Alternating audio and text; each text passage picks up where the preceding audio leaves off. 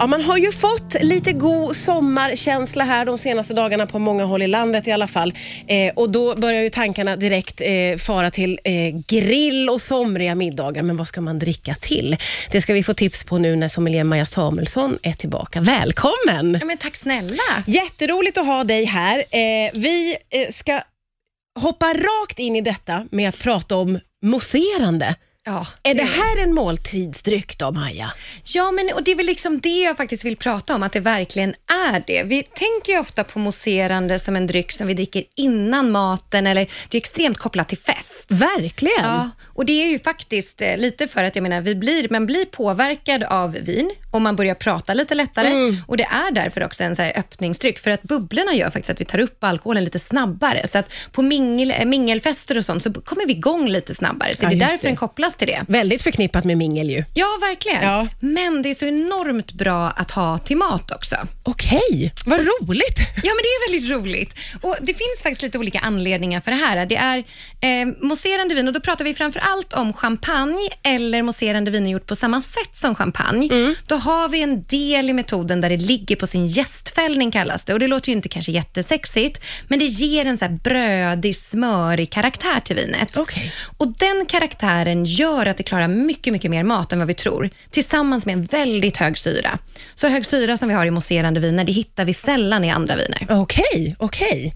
Eh, och, och vad tänker du att, vad, vad vill man äta till ett mousserande vin då? Ja, men jag har ju med mig ett litet vin som jag tänkte att du skulle få prova Åh, här. vad spännande. Och då är det faktiskt ett, eh, jag tänkte att jag skulle passa på att tipsa, för det här är, champagne är ju inte alltid det man har råd med. Det kostar ju mycket pengar. Ja. Och Det här är gjort på samma sätt. Det är från Frankrike. Det är en superduktig producent, en kvinnlig producent som heter Clotilde, som gör en cremant Bourgogne. Och då hamnar vi på så här 150-160 kronor, vilket är väldigt prisvärt. Mm. Och De vinerna tycker jag då, och det går ju också om man är champagneälskare att jobba med champagne här istället. Men Mm. då kan vi jobba med antingen skaldjur, som är väldigt enkelt och lätt, som man kanske tänker ska passa till, men också till mer grillade fiskar, så jag får den här grillytan, mycket smöriga såser, Ja, det. aioli, fetma. Men det här klarar alltså hela vägen upp till fläskrätter, det klarar kycklingrätter. Vi ska inte gå in på rött kött, för Okej. då börjar liksom, Ja.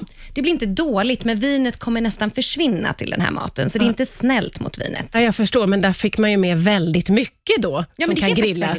Man kan ha en hel middag med bara den här typen av mousserande viner, Ja. vilket är jättekul att testa sig fram här. Super, super roligt och jag tänker att det är väldigt mycket alltså, vanliga grillmiddagar men eh, student, alltså många festliga tillfällen där det här måste vara perfekt ju. Ja, men det är det. Man ska hålla sig ifrån en sak, skulle jag säga, bortsett då från när det blir lite för tufft med rött kött, Mm. och det är sötma. Okej, För de här vinerna har inget socker normalt sett. De är väldigt torra och den här höga syran, det gör att om vi har någon sötma på tallriken, då kommer vinet upplevas ännu surare. Så då blir liksom vinet bara surt. Och Det här är till den flesta champagne också, om vi inte har något socker i. Då ska vi inte ha sötma. Och Det här kan påverkas till och med av rotfrukter som är bakade på en liksom i, i ugnen. Tänk dig ah, okej. sötpotatis pommes Ja, frites. ja, ja, ja. Det blir ju ganska sött. Då ska vi inte ha den här vinen, för det blir bara surt. Det blir inte värt de pengarna. Okej. Så då är det bättre att jobba med potatis som är friterad. Vanliga pommes frites går jättebra. Friterat överhuvudtaget är väldigt bra med den här gästkaraktären. Gud vad gott allting låter. Man blir lite hungrig.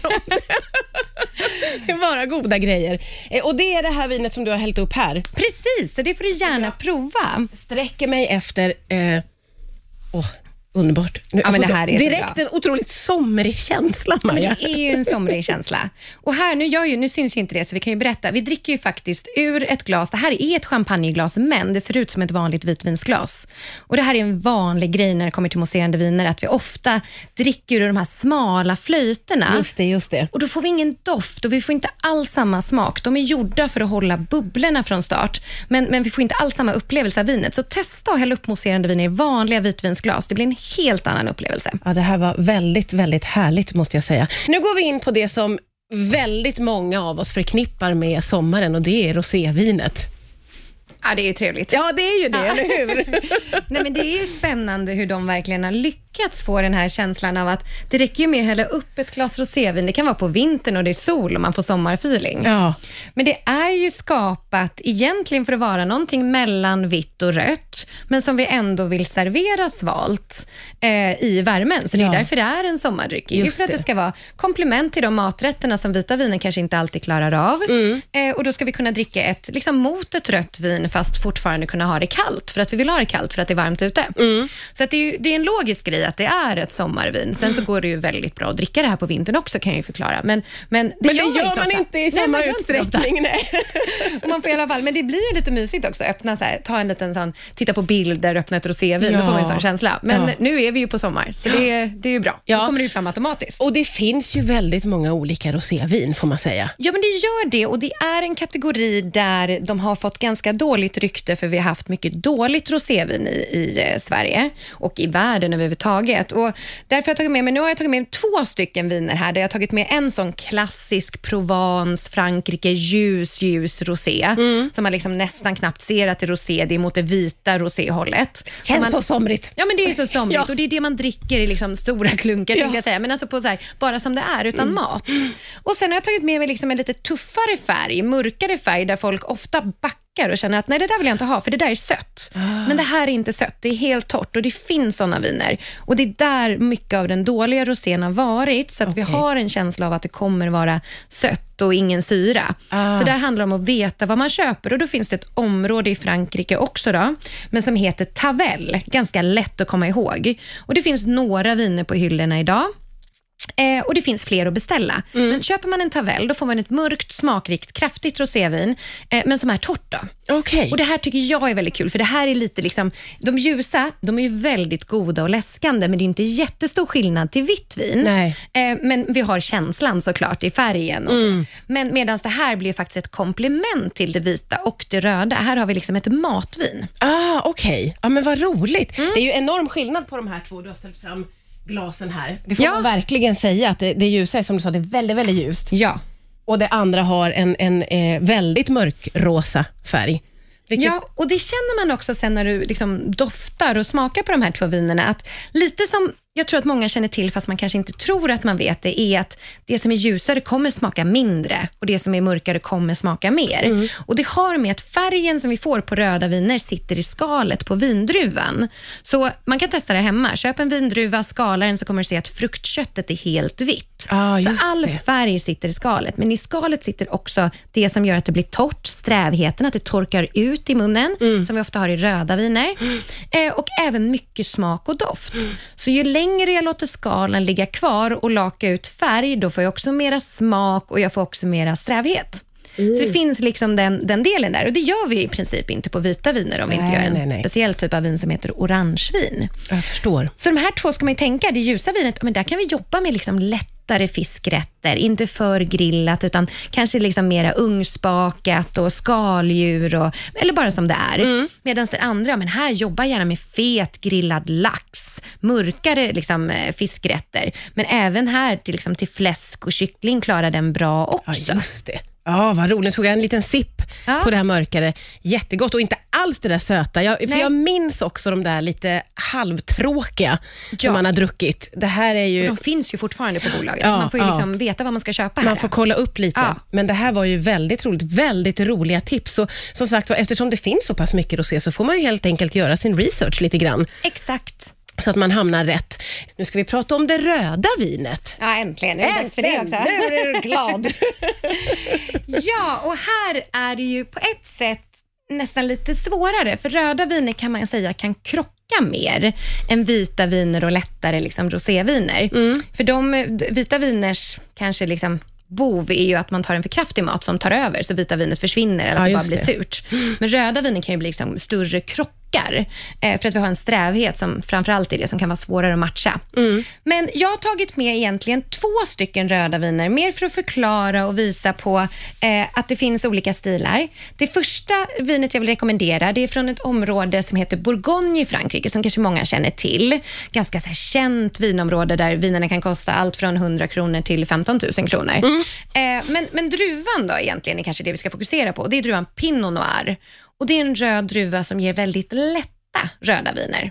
Superhärlig på sommaren och servera lite svalt, bara som den är. Ah, Om man tycker om rödvin så är det liksom toppenval. Och här ska jag vara försiktig med för kraftig mat. Det brukar säga att Pinot Noir och anka brukar man prata om är en sån magisk kombination. Okej. Men det kan man också tänka då annan fågel som kyckling eller kalkon. Ja, och ja, ja. Eh, men även då om man ska ha ett rött vin till fisk, då, då kan det vara den här druvan man ska jobba med om man tycker om rött vin och helst inte vill dricka vitt. Mm.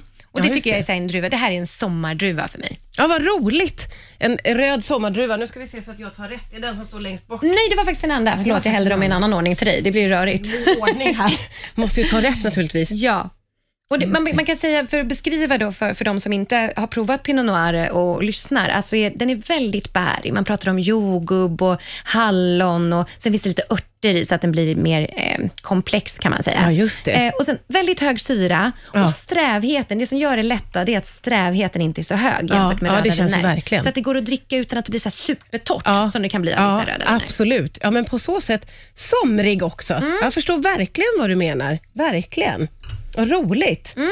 Så har du det andra glaset här. Nu ska jag hålla Mm. Ja, koll på... och det här är verkligen ett grilltips. Då. Ja, För en av de vanligaste sakerna som händer när vi grillar, det är att vi tar fram kryddiga eh, rubs, alltså eh, kryddsättningar till Ja. köttet så att det blir lite chili, hetta. Just. Vi kan jobba med barbecue-sås som är söt. Vi kan prata lite som jag pratade innan, det här med grillade grönsaker kan bli en viss sötma. Mm. Och då med röda viner som inte har något socker så blir de supertorra, så också syrliga, strävheten kommer fram. Och med chili, då kan strävheten bli dubbelt så hög. Den bara Ah. exploderar i munnen. Och Då är det svårt att välja vin, för att rött vin har alltid strävhet. Mm. Och Då tycker jag Zinfandel brukar vara ett bra alternativ. okej. Det är en druva som vi framförallt hittar i USA. Mycket, mycket mer frukt. Mm. Så när du känner på den här så kan det nästan vara som den doftar lite drottningsylt och blåbärssylt. Ja. Men, men den är, alltså, roligt när du säger det och jag doftar samtidigt. Ja, ja, ja, jag hör dig. Ja, men det är ja. då man hittar det. Man behöver Ja. liksom lite hjälp Ja, på traven. verkligen. Ja, och just den här frukten eh, och sen en strävhet som inte är för hög, eh, då får vi liksom en, den kan lösa den här typen av mat väldigt okej. bra. Ja, okej. Och Det här klarar liksom mer eh, kraftigt kött också, så mörkt kött, de här liksom sötare såserna och sånt. Då, då är det här ett bra alternativ. Och Zinfandel kan man behöva jobba lite med, för vissa viner är inte så roliga här och vissa är väldigt bra. Okej. Eh, så ibland kan man behöva gå upp i alla fall kanske 150 kronor tycker jag för att få en bra Zinfandel. Ja, just det. Just det. Ja, och det här är en av mina eh, favoritsinfandels jag tänker som vi provar nu då, som heter Segesio. Men det Väldigt. finns flera också. Ja, väldigt Ja. bra tips för många är ju ändå där och vill grilla sitt kött och det ska vara Exakt. starkt och det ska vara rubs och allt vad det är. Så då är det ju väldigt bra att ha lite koll där helt enkelt. Ja, men precis. Vi kommer att eh, lägga upp alla dina tips på våra sociala medier med namn och nummer och allting så att man kan få en bra hjälp på vägen. Alltid ett nöje att ha dig här. Tusen tack Maja Samuelsson för att du kom idag. Tack snälla.